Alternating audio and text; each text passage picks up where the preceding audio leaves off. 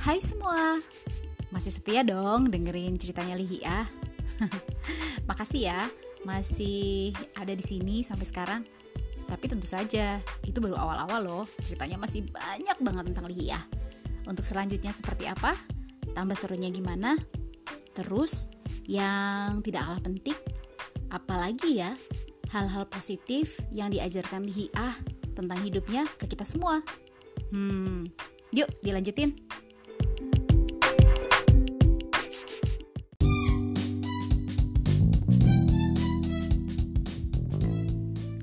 Menjadi mahasiswa.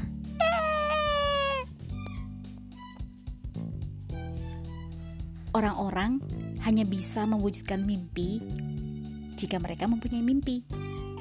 Aku, Lia, adalah buktinya. Siapa sangka aku bisa menjadi mahasiswa?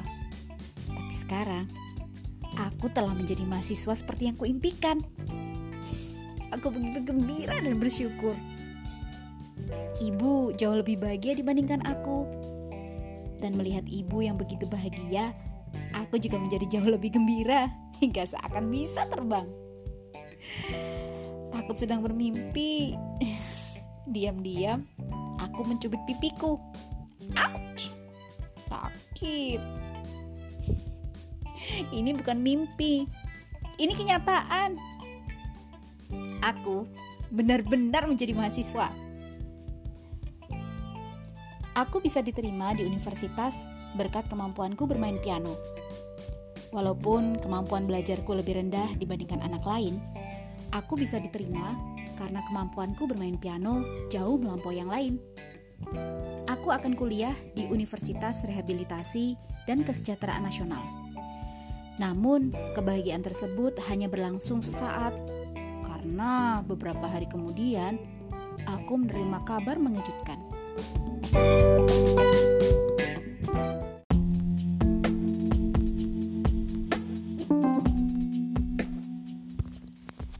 Selama kuliah, kau harus tinggal di asrama. Ibu tak bisa mengantar dan menjemputmu setiap hari karena letak kampus sangat jauh dari rumah. Lagi pula, sekarang usia Hia sudah 20 tahun. Jadi bisa tinggal di asrama sendiri, bukan? Tanya ibu sambil mengedipkan mata. Namun aku tercengang mendengar bahwa aku harus meninggalkan rumah. Tidak, tidak, tidak. Tidak mau. Aku mau tinggal dengan ibu. Aku tak mau tinggal sendirian di asrama. Kalau aku tinggal di asrama, siapa yang akan mengikat rambutku setiap pagi? Walaupun aku terus merengek, ibu tidak peduli dan malah mengapak selimut, pakaian dalam, serta perlengkapan mandiku. Ah, aku tidak mau. Harus mau. Cepat ke sini bantu ibu. Tidak mau. Aku tidak mau berkemas.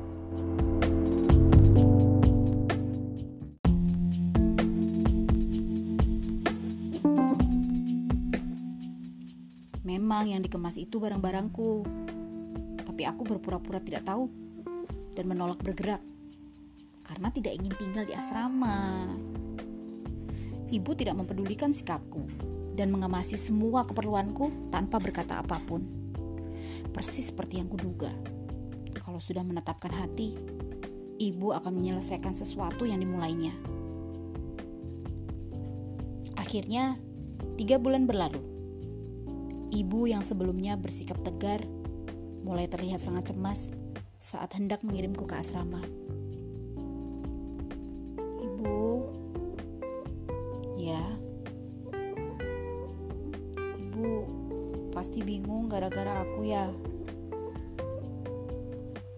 Ibu tidak menjawab pertanyaanku. Selama aku tidak ada, ibu istirahat yang banyak ya kataku dengan ada semangat. Selama ini, ibu adalah pengganti tangan dan kakiku. Beliau menjagaku melalui berbagai peran, menjadi guru yang galak, manajer, ataupun koordinator.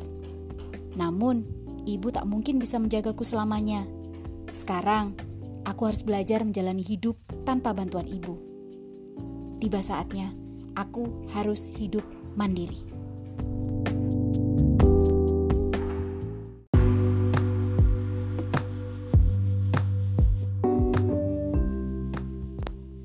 Aku pun berkata dengan riang untuk meyakinkan ibu.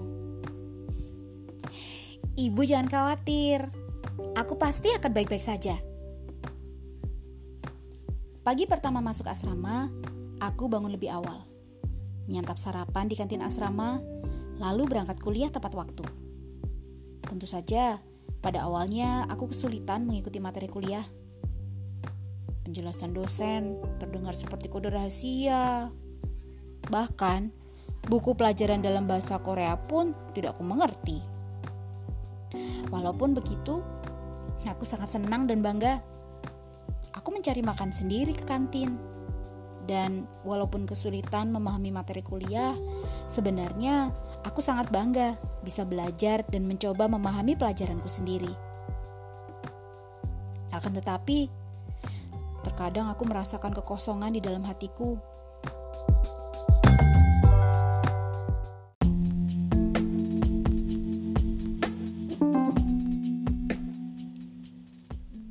Tidak ada ibu yang senantiasa berada di sampingku, yang menyayangiku dan mencemaskanku melebihi diriku sendiri. Kekosongan tempat ibu di hatiku tak bisa diisi dengan apa pun. Saat ditinggal sendiri, belum satu hari pun, aku sudah sangat merindukan ibu. Saat itu, aku langsung menelpon beliau. Ibu, aku rindu. Sejak tinggal sendiri, aku jadi menyadari banyaknya kesulitan yang ibu alami gara-gara aku. Terima kasih ibu, aku sayang padamu. Terdengar suara ibu yang gemetar dari ujung telepon. Ibu juga berterima kasih padamu ya. Ibu sayang padamu.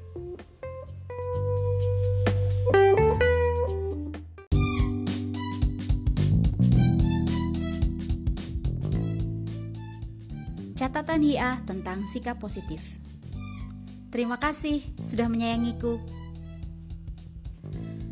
Panggilanku adalah Donkey. Donkey artinya keledai. Keledai adalah hewan yang bertubuh kecil tapi sangat kuat. Tubuhku juga kecil. Kakiku pendek dan langkahku sangat lamban seperti keledai. Tapi sebenarnya tenagaku sekuat keledai. Ini dikarenakan tekad kuat orang Korea, yaitu kalau ingin melakukan sesuatu pasti akan dilakukan. Aku suka panggilan Dongki. Jadi, aku selalu bersikap ceria setiap hari seperti keledai yang ada dalam film animasi Shrek. Dengan giginya yang besar-besar, keledai bermuka lucu itu selalu menjalani hidup dengan gembira. Seperti keledai itu, aku puas dengan kehidupanku dan mencoba menjalani hidup dengan ceria dan berani. Apakah di antara kalian ada yang tidak puas dengan penampilan kalian? Atau mengeluh betapa mengecewakannya diri kalian? Kalau iya, coba coba ubahlah ekspresi wajah kalian dengan senyum ceria. Hanya dengan mengubah ekspresi wajah, kalian akan menjadi lebih tampan dan cantik. Aku sangat suka dengan penampilanku yang sekarang karena ada keluarga dan guru yang menyayangiku, serta tetangga dan teman-teman yang selalu mendukungku. Walaupun aku tidak menarik atau cantik, ada banyak orang-orang yang tulus menyayangiku. Sekarang, cobalah lihat orang-orang di sekitar kalian. Kalian bisa melihat orang yang terdekat dengan kalian, bukan? Kalau begitu, Coba katakan ini pada orang tersebut. Terima kasih sudah menyayangiku.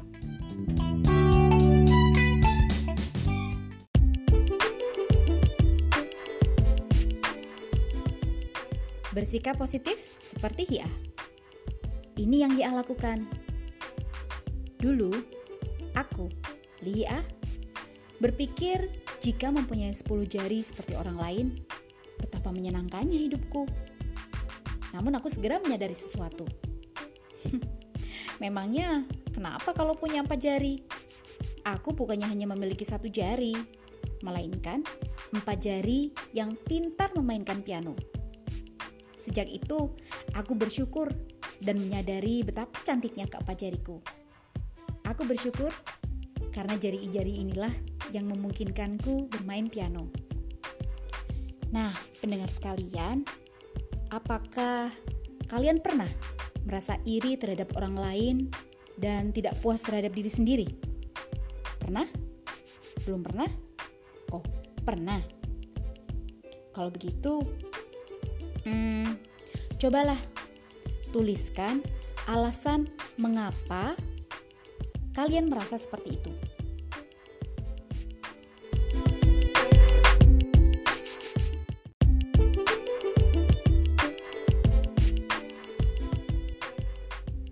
Ini pula yang Lihiah lakukan.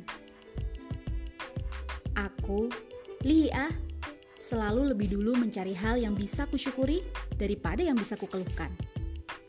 Jika bisa bersyukur atas satu hal kecil saja, kita bisa mensyukuri semua hal di dunia ini. Dan akhirnya, kita sendiri juga menjadi bahagia. Karena itulah, aku tidak membanding-bandingkan penampilanku dengan orang lain Berkat hatiku yang selalu bersyukur dan menyayangi diriku apa adanya, aku bisa menjadi pianis yang bahagia. Nah, bagaimana kalau kita coba menyampaikan rasa syukur kita dengan menulis surat? Kalian boleh menulis surat kepada orang tua, guru, nenek, kakek, atau siapa pun. Cobalah Tuangkan rasa terima kasih kalian dengan sungguh-sungguh dalam surat tersebut. Dicoba ya.